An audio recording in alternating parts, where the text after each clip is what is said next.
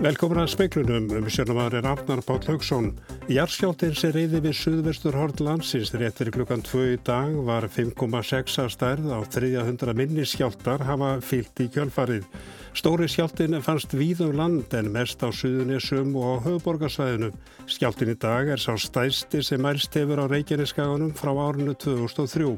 Uppdög hans voru 6 km fyrir vestan Kleifarvatn og 14 km norðaustan við Grindavík. Ekki hafa borist tilkynningar um slís af fólki eða tjón á mannverkjum, skriða fjall á veginum djúpa vassleið skamt frá upptökum skjáltans. Hérastómar Reykjavíkur síknaði dag ríkið af kröfu Kristjáns Viðar Júliussonar og, og dánarbú Strykva Rúnars Leifssonar. Þeir kröfur spóta fyrir tjón vegna guðmyndar og gerfinsmáls og tekjuta vegna frelsisvitingar. Útliti fyrir að ferðarþjónustunni næstu vikur er Kolsvart segir formaður samtaka ferðarþjónustunar. Ferðarþjónustu fyrirtæki vonast eftir beinum rekstrastyrkjum frá ríkinu til að lifa veturinn. Og í síðar í speiklunum verður rætt við Haldur Girsson, jarðelisfræðing hjá Jarðvísindarstofnur Háskóla Íslands um skjáltan sem reyði við Suðvöstur horni í dag. Jarskjáltins reyði yfir þegar klukkanu vantaði 17.02 var 5,6 að stærð. Hann var í Núpa hlýðarahálsi 5 km vestur af Seltúni, 3,9 km norðvestur, norð, vest norðvestur af Grísvík og 300 skjáltar hafa fyllt í kjálfarið. Þeir stærstu 4,2 stóri skjáltir fannst við á vestamærulandinu, sérstaklega á Suðunessum og Höfuborgarsvæðinum en einni á Suðurlandi og Vestfjörðum. Þó má nefna til samanburðar að skjáltin í dag er markvalt vægari en Suðurlandsskjáltanir 17. og 21. júni árið 2000. Þeir voru báðir 6,6 að stærð. Og í símanum er Kristín Jónsdóttir, hópstjóri náttúru várvöktuna veðstofunar, kontur sæl. Uh, Já, voru leini rúmir fjóri tímar frá því að stóri skjálti reyði yfir. Hver er staðan núna? Staðan núna er svo sem bara frekar róleg þannig og, og kannski svona það sem að búast má veið eftir, eftir svona atbyrð að það svona smá saman e, dregur úr virkninni og, og, og hérna og bæði mælast e, minni skjáltar og þeim fælkar þegar líður á. Getur verið eitthvað sagt í það á hvaða sprungu svæði þessi skjált er? Já, skjáltin sem var 5,6, hann e, mælist þarna í núpslíðarhálsi og, e, og svo er eins og virknin hafið fæst þarna yfir á annan misgengi sem er heldur nær Grindavík, e, sem sagt aðeins vestar, 5 km vestar í Færadalsfjalli og þar hefur líka verið tölverð virkni í dag. En það var orðið margir eftir skjáltar og má búast að þeir haldi eitthvað áfram? Já, það máli búist til því að þeir haldi áfram í, kvöld og, og, og í nótt og morgun og í rauninni alla vikuna. Um, en, en það má, sko, þeim náttúrulega bara fælkar uh, þegar líður á og, og hérna, verða líka minni. En hérna, en já, það eru þetta erfitt að spá hérna fyrir svona í framtíðina. En, en ef við hugsaum um svona venjulega eftir, eftirskapta hrínu að þá er, er eðlilegt að hún hægir sig þannig. En er einhver merkjum gósvirkni? Engin merkjum gósvirkni, nei. Kristi Jónsdóttir, ég þakka þér kjærlega fyrir. Og samhæfingarstöðu almannavarna virkið dag vegna járskjáltans lítið verð þó reynd á hann og engar tilkynningar hafa boristu um slisa fólki eða tjóna á mannvirkjum hins vegar hund úr hillum vestlana á höfuborgarsvæðinu og nokkuð varum að myndir fjalla veggjum í íbúrúsum. Fleiri smálega skemmtir urðu vegagerinn lokaði veginum djúpa vassleið skamt frá upptökum skjálstans sítiðis. Skriða lokar veginum og er talað að hún hafi fallið í skjáltanum og stendur að því að opna vegin á morgun. Og erfilega gekk hann á síma sambandi í farsímakerfun í nokkra mínútur eftir skjáltan Samkvæmt upplýsingum frá post- og fjarskiptastofnun er ekki vita til þess að skemmt er af orði á fjarskiptakerfinu. Líklegur er að álægi á kerfinu hafa einfallega verið það mikið að það ekki ráði við að anna öllum símtölum. En Kjartan Máru Kjartansson, eh, bæjastjóri Reykjanes bæjar, segir að hann hafi aldrei fundið eins harðan skjálta. Já, þar sem að ég sitt og satt á skrifstofuminni hér og annari hæði í ráðusunni og þá nötraði hér allt og skalf mjög lengi að þér mér fannst. Ég hef nú fundið nokkra skjáltana núni í ár sérstaklega en, en engan í líkingu við þetta. Ég hef aldrei upplifað neitt eins og þetta hérna áður. Saði Kjartan Már Kjartansson, Katrin Jakobsdóttir fórsættisráður var í miðju vitali sem var sendt út í beinu streymi á Facebook síðu Washington Post þegar að jarskjáltin reyði yfir. We are able to have uh, tests who, who are, oh my god, there's an earthquake. there, sorry, there was an earthquake right now. Wow. Well, this is Iceland. You, sorry about Prime that. Minister. But I will just right. finish the question. Yes, I'm perfectly fine. The house is still strong, so no worries. Sorry. var mjög brugði í fyrstu en hún var fljóta að jafna sig og helt áfram að svara spurningum með viðbröð íslenskra stjórnvalda við kórunu veiru faraldrinum. Helgi Hrafn Gunnarsson, þingmaður Pírata, var í pont og alþingi þegar skjáltin reyði yfir. Því miður er það eitthvað sem að hefur hins vegar ekki verið gert af hæstvirtum fórstinsræðara, sennilega ég vegna stjórnarsamstarfsins við sjálfstæðisflokkin og framsók.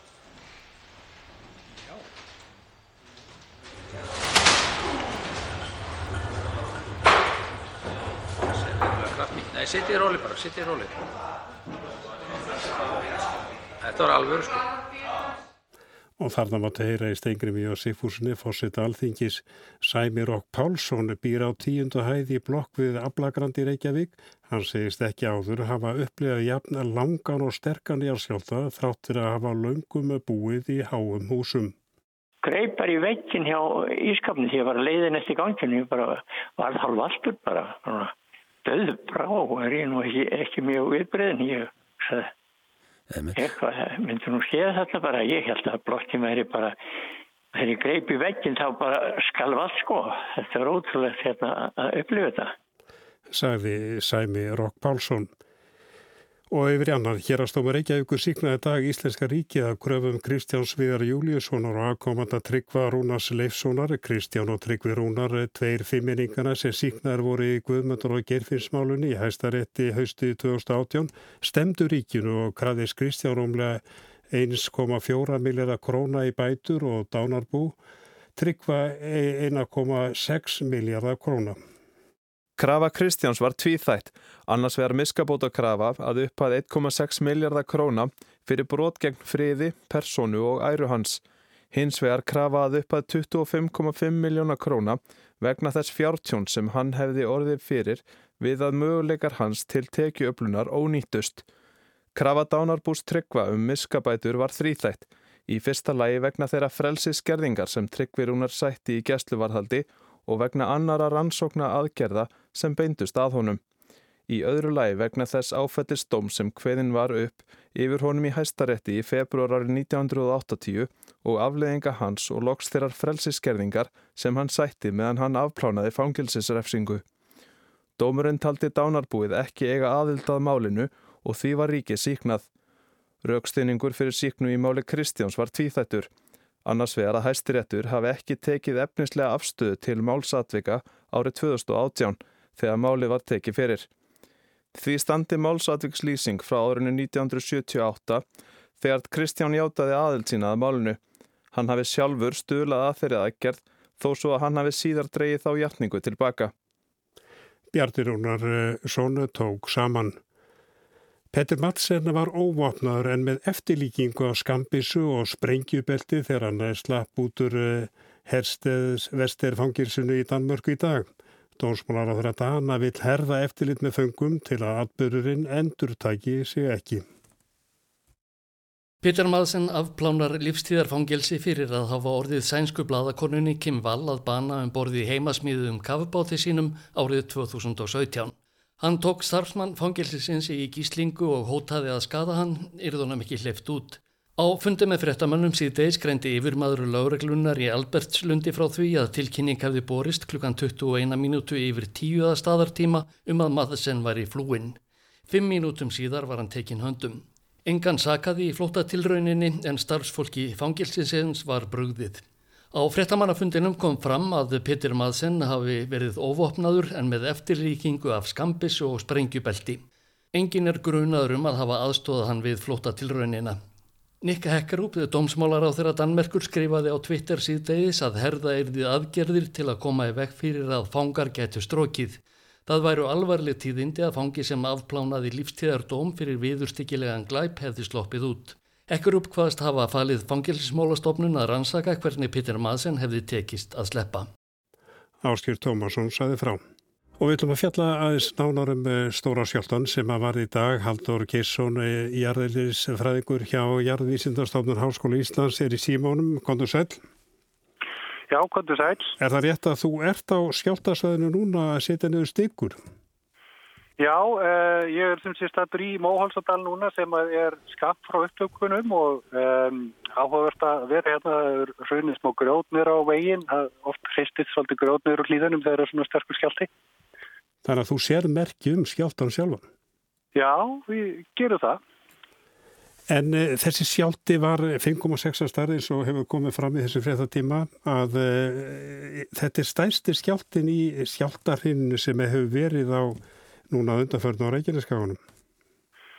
Já, það er mikið rétt. Það er búin að vera mjög mikið járskjórnsla vestni á um, meirinn hluta Reykjaneskagan sem að byrjaði, já maður segja að þetta hefur byrjað í janúar á þessu ári uh, og virknin hefur, um, hvað að segja, virknin hefur færst svona fram og tilbaka um skagan. Var fyrst mest við svartsengi og hljóps og út á Reykjanes og svona aftur í svartþengi og svo hefur hún svona verið að færa staðins austar hérna. En vita nokkuð menn núna þetta er gósvirt góssvæði og það hafa verið gósskeið á Reykjaneskánu þrýsa sinnum með síðustu 3000 árin og síðast fyrir eitthvað um 1000 árum. Er við að horfa upp á nýja, nýtt gósskeið eða það hefjast núna? Já, þetta er góð spurning. Við erum náttúrulega uh, búum að uh, búin á landi þar sem við meðum búist við að, að Elgós taki sér upp aftur þar sem við sjáum nýleg ummerkjum það og e, Reykjaneskæin er sko alls engin undatekning í því. Um, en hvort að nýtt tímabil sé að hefjast akkurat núna það er erfitt að segja en e, það er ekkert óleiklegt á næstu nokkur undur árum farið að draga til tíðinda hérna. Þannig að þetta er kannski svona kannski er þetta byrjun á eitthvað aðbörðar á sem á eftir að taka ára tíu eða kannski ára hundruðs Já, því það er aðeins þessi góðskið að þau hafa staði yfir jafnir í tvær-þrjár ár aldir í senn. Já, það er hafa gert að staði yfir í tvær-þrjár ár aldir og, og svo virðist sem að góðsvörsnin hafi þá uh, byrjað uh, austast, það er að segja brennistinsfjöldum eða svona austarlega í þessum kerfum og fært sig uh, vestur á bógin. Um, en, um, en flest eldstöðukerfin hérna hafa verið virkt Uh, í þessum góslótum en svo náttúrulega tölur vel hljóða milli, það hefði ekki verið stansleis gós hérna í 200-300 ár heldur, hafa verið þá vantilega stutt gós og svo hafa verið kannski í einhver ára milli.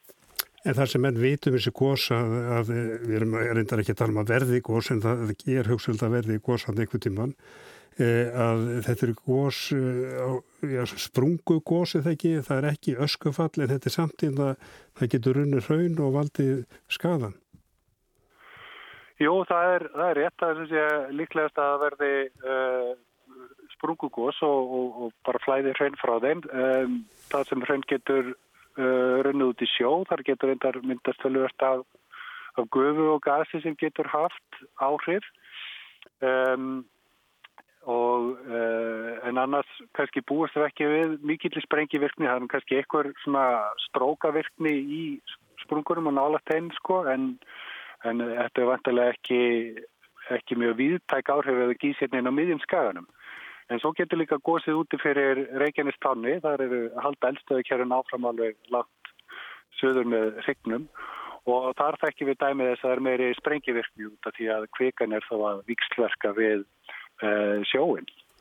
En það er eitt eh, fyrir matur og skjálfvarum í dag að eh, ja, hann sko, virkar mjög sterkur eftir svæðu þó að svæði séu jafn, langt frá upphafið skjálftans. Hvað veldur því?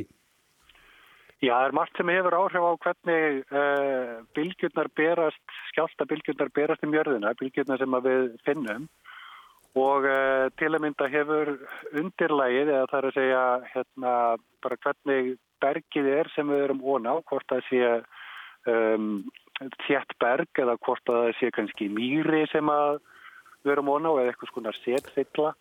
Og um, það getur magnað upp eða deift niður reyfingarnar og eins hefur líka getur landslag magnað upp eða deift niður reyfingar Þannig að oft uh, getur verið mögnun uppi á hæðum í, í sumum tilökum um, og svo lókum að nefna að svo fer þetta líka eftir hvað fólk er hátt uppi í húsinu sem það er þegar það finnur skjáltan. Þannig að því hærra sem fólk er yfirleitt finnur það meiri áhrif að skjáltunum. Haldur Geirsson, eh, ég þakka þið fyrir og ég ætla að gefa þið smá tíma í byrtuna, kannski komum fyrir fleiri stegum en þakka þið kælaði fyrir. Takk fyrir.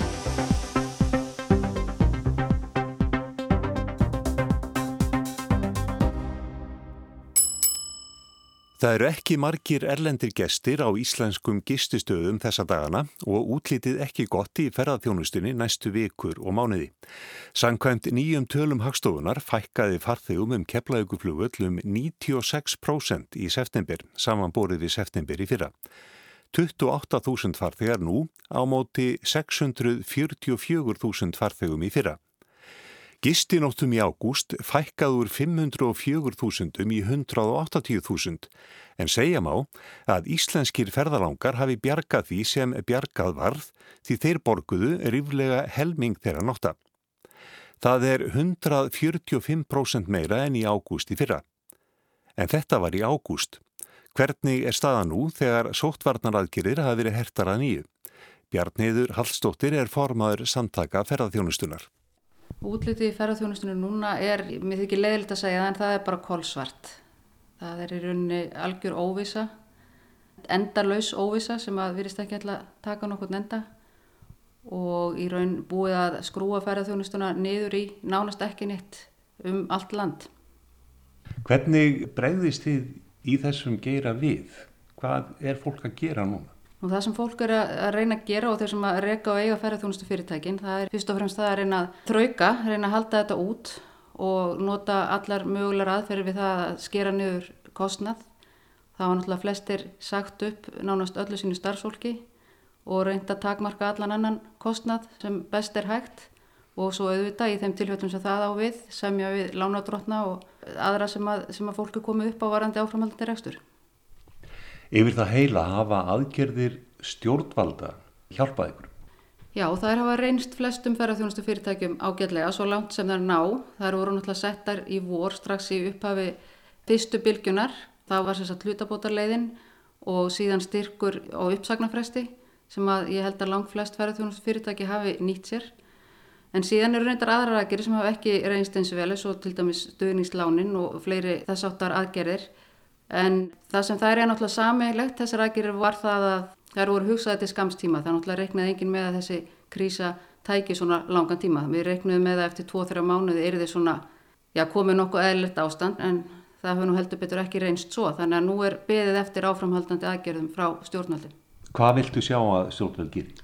Nú það sem við höfum lagt áherslu á núna fyrst og fremst er að það komi til í rauninni rekstra styrkir, beinir styrkir til, til ferðarþjónustu fyrirtækja og það sem við vildum helst sjá það væru styrkir sem væru ekki skilistinn á nokkur nátt, ekki endilega við launagreislur heldur mætti einni nýta til þess að standa ströyma föstum kostnæði og það hefur í rauninni komið vilirði frá stjórnvöldum um þess átt að styrki en það er ekki búið að útfæra það og það býður í rauninni að tværa þjónustan með öndina í hálsunum eftir þessu útspili. Það kemur fram í nýjum tölum hagstofunar í, í dag að ja, samdrátturinn er kringum 90 til 96%. Hvernig er hægt að lifa þetta? Það er gullna spurning þessara tíma og það er það sem náttúrulega allir eru að reyna að berjast í en við vitum líka vel að það verð ekki allir sem að lifa þetta af. En það væri náttúrulega alveg synd ef að fyrirtæki sem voru í góðum rekstir áður en COVID-bylgjan skall á eruðu fórnarlöfum þessa ástands. Og það væri líka grafalvægt bara fyrir Ísland og fyrir Íslandst hagkerfi vegna þess að við verðum að vera tilbúin þegar að ferðamenn fara aftur að streyma til landsins. Og það mun gerast mjög rætt held ég eftir að ástandi lagast. Það kemur einni fram í þessum hagtölum að íslenskir ferðamenn, þeir voru döglegir að nýta sér gistingu ferðafyrirtækja í sumar. Já, Íslendingar ferðuðist um landi sem aldrei fyrr og það var náttúrulega frábært fyrir þau fyrirtæki sem er að þjóna íslenska markanum sem er náttúrulega ekki nema lítið hluti svo sem og það voru einhverjum gististæðir út á landi sem er nutu góðs af þessu og, og það virkilega hjálpaði til en núna er það náttúrulega allt sem að búið með nýjum sótvarnar aðgerum þar sem að fólki er nánast skipað að sitja heima þannig að þessi litla velta sem að þessi hótel út á landi kannski áttu vona á það er allt í uppnámi með hana í rauninni. Það er allt stopp núna en ef að sótvarnar aðgerðum verður afléttið að þær verða mildaðar, bindiði vonir við að Íslendingar bindi á sig ferðaskóna aftur? Já, ég held að það sé engin spurning að ferðast er náttúrulega það sem að flestir vilja hafa hluta á sínu daglega lífi þannig að það má náttúrulega reikna með að Íslandingar muni þá fari helgarferðir hérna innanlands í staðin fyrir að fara til London eða Kaupmannhafnar. Það er þó kannski engum staðir eins og Akureyri og Siglufjörður jafnvel sem njóta góðs af því og einnig hótel sem eru í nágrinni við höfuborgarsvæði. Hagdeild landsbánkans byrti Hagsbói morgun þar sem að hún gerir áðfyrir því að ferðamennum fjölgi upp í 650.000 á næsta ári úr halvri miljón núna. Þeir byggja spá sína á því að bólefni verði komið um áramót og að hjarð ónæmi verði komið bæði hér og í nákvæmlega löndum á þriði ásfóringi á næsta ári. Finnst þér þetta raunhæf spá? Já, nú fer það eftir því hvort að þetta blessa bóluefni verður komið um áramótað ekki. Ég, svona miða við það sem maður heyrir í kringum sér, þá held ég að það sé ekki miklu líkur á því að það verði endilega komið í almennu umferð strax um áramót. En ég vona að svo verði, en hins vegar erum við alveg vissum það um leið og ferðarlegu verða á einhvern nátt möguleg, hvort sem það verður með breytum sóttvarnarreglum á landamörum eða, eða það að það verður komin lækninga bóluefni, þá mun ferðarþjónust á Íslandi taka gríðarlega hratt við sig, við erum alveg sannfærum það. Þannig ef til þessar hort þá held ég að spá landsbánkan sé nokkuð varfærin. Ég held að við náum okkur hraðar upp úr þessu þegar það fyrir að róa til. Á hverju byggir það? Ég byggir það bara fyrst og fremst á svona því sem ég heyri og sé í kringum mig. Ég veit til dæmis að bókanir fyrir árið 2021 þær eru ágæðar. Þær eru með þess að sumstaðar betri heldur en það voru á sama tímapunkti fyrra áður en að COVID-kreppan skall á.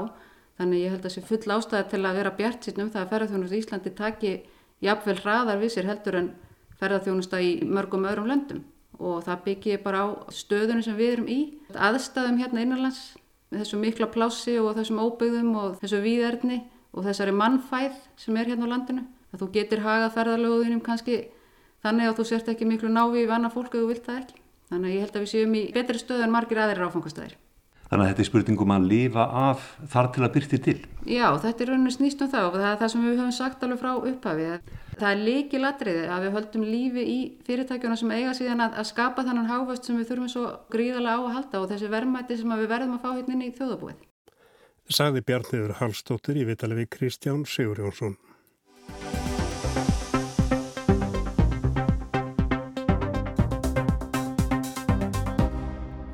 Sjálfstjórn einstakara landsluta í Breitlandi hefur verið pólitísti deilumál í Breitlandi í ára tugi. COVID-19 faraldurinn hefur með óvæntum hætti styrt bæði sjálfstjórn og sjálfsýmyndi svæðana fjóra sem hafa tekið á faraldunum með ólíkum hætti.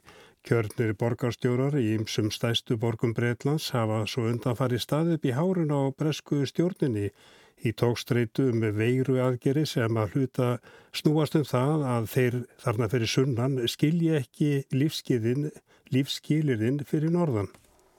Þegar Andy Burnham, borgastjóri Manchester, tók sér stöðu fyrir framann bæjarskipstóðnar fyrir helgi og flutti ávarp, þá hljómaði það eins og ádrepa á breskustjórnina sviðsett eins og uppresnarfóringi væri stígin fram til að bjóða stjórninni fyrir sunnan Birgin Ásand Börnham voru fleiri í nágranna byggðarlónum á mótið í að lýsa yfir þriðja stígi verutalma flestu lokað að skipan bresku stjórnarinnar. Svæðisbundnar aðgerðir, saði Börnham, varu gallaðar og ósangjarnar. We have unanimously opposed the government's plans for tier 3. They are flawed and unfair. Börnham var heitt í hamsi, það væri verið að nota borgina og nærlikjandi svæði eins og tilrunadýr. For an experimental regional lockdown strategy as an attempt to prevent the expense of what is truly needed. Ríkistjórnin var að gera tilraun með svæðispunnar aðgerði til að spara sér þá fjármunni sem þyrti í raun, saði Börnham. Tótnin var að þeir þarna fyrir sunnan, ríkistjórnin, ætti ekki að þvinga sér aðgerðum upp á borgina. Burnham vill aðgerðir á landsvísu. Burnham og aðri leðtóðar þarna norður frá voru búinir að vera í samningaviðræðin við breskustjórnina um hertar veruaðgerðir.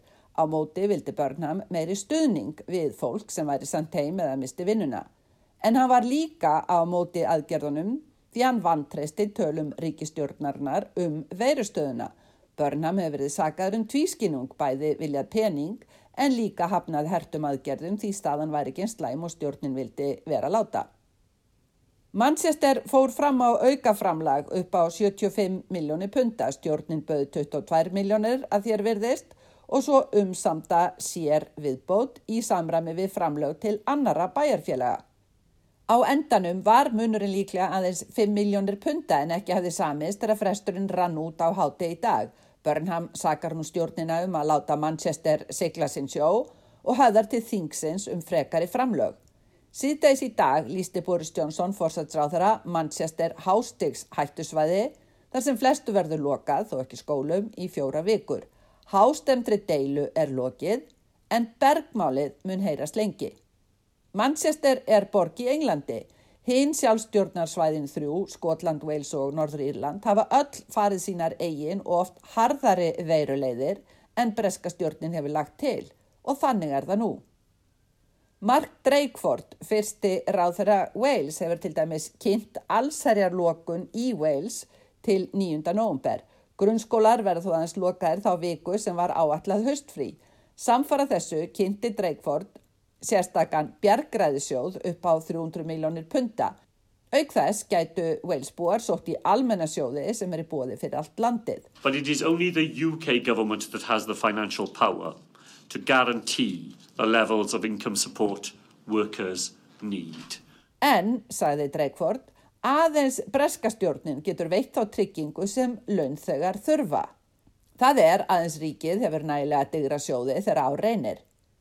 Í lok september lögðu ráðgjafastjórnarinnar til nokkur að vikna allsærjar lokun nú í kringum höstfrí skólana en þeim ráðum hafnaði stjórnin. Í staðin kom hún á svæðispundnum aðgerðum. Þrjú áhættustig eru skilgreind eftir fjölda verutilfella. Þessi þrep eiga meðal annars að einfalda fólki að fylgja reglunum. Þó ekki alveg einfalt kemur ljós að hörðlokun þriðastegsins er ekki allstaðar útfærð með sama hætti. Deilur um veiruaðgerðir á landsvísu eða staðbundaraðgerðir er einn byrtingarmynd þess að veirufaraldurinn hefur grafið undan samstöðu landslutana í hinnu sameinaða breska konungstæmi. Það hefur kannski ekki liðast í sundur í veirufaraldrinum, landslutarnir fjórir hangan saman, en landslutamörkin hafa skerst og þá líka vitundin um að í raun geta landslutarnir í ímsu farið sínar eigin leiðir. Um leið og verkamannaflokkurinn kom til valda eftir kostningarnar 1997 var hafist handa að uppfylla lofordið um aukna sjálfstjórn landslutana fjögura. Framan af var þessi heimastjórnarskipan ekki sérlega sínileg.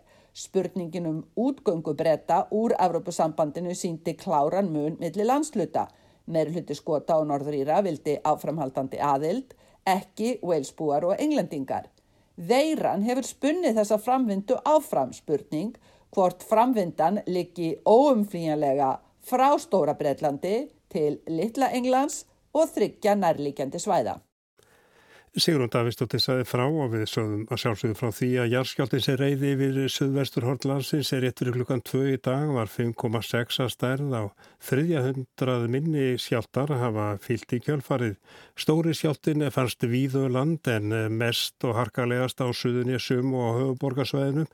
Skjáltin í dag er sá stæsti sem mælst hefur á Reykjaneskaunum frá því árið 2003. Upptök hans voru 6 km fyrir vestan Kleifarvatn og 14 km norðaustan við Grindavík og ekki hafa borist tilkynningar um slís á fólki eða tjónarmarvirkjum, skriða fjall á veginu með djúbavarsleið skamt frá upptökum skjáltans. Hér að stofri Reykjavíkur síknaði dag ríkið á kröfu Kristjánsvegar Júliussonar og Dánarbús Tryggvarúnars Leifssonar. Þeir kröfu spóta fyrir tjónvegna Guðmundur og Gerfins Málsins. Tæknumari kvöld var Magnús Þorstein Magnússon, veriði sæl.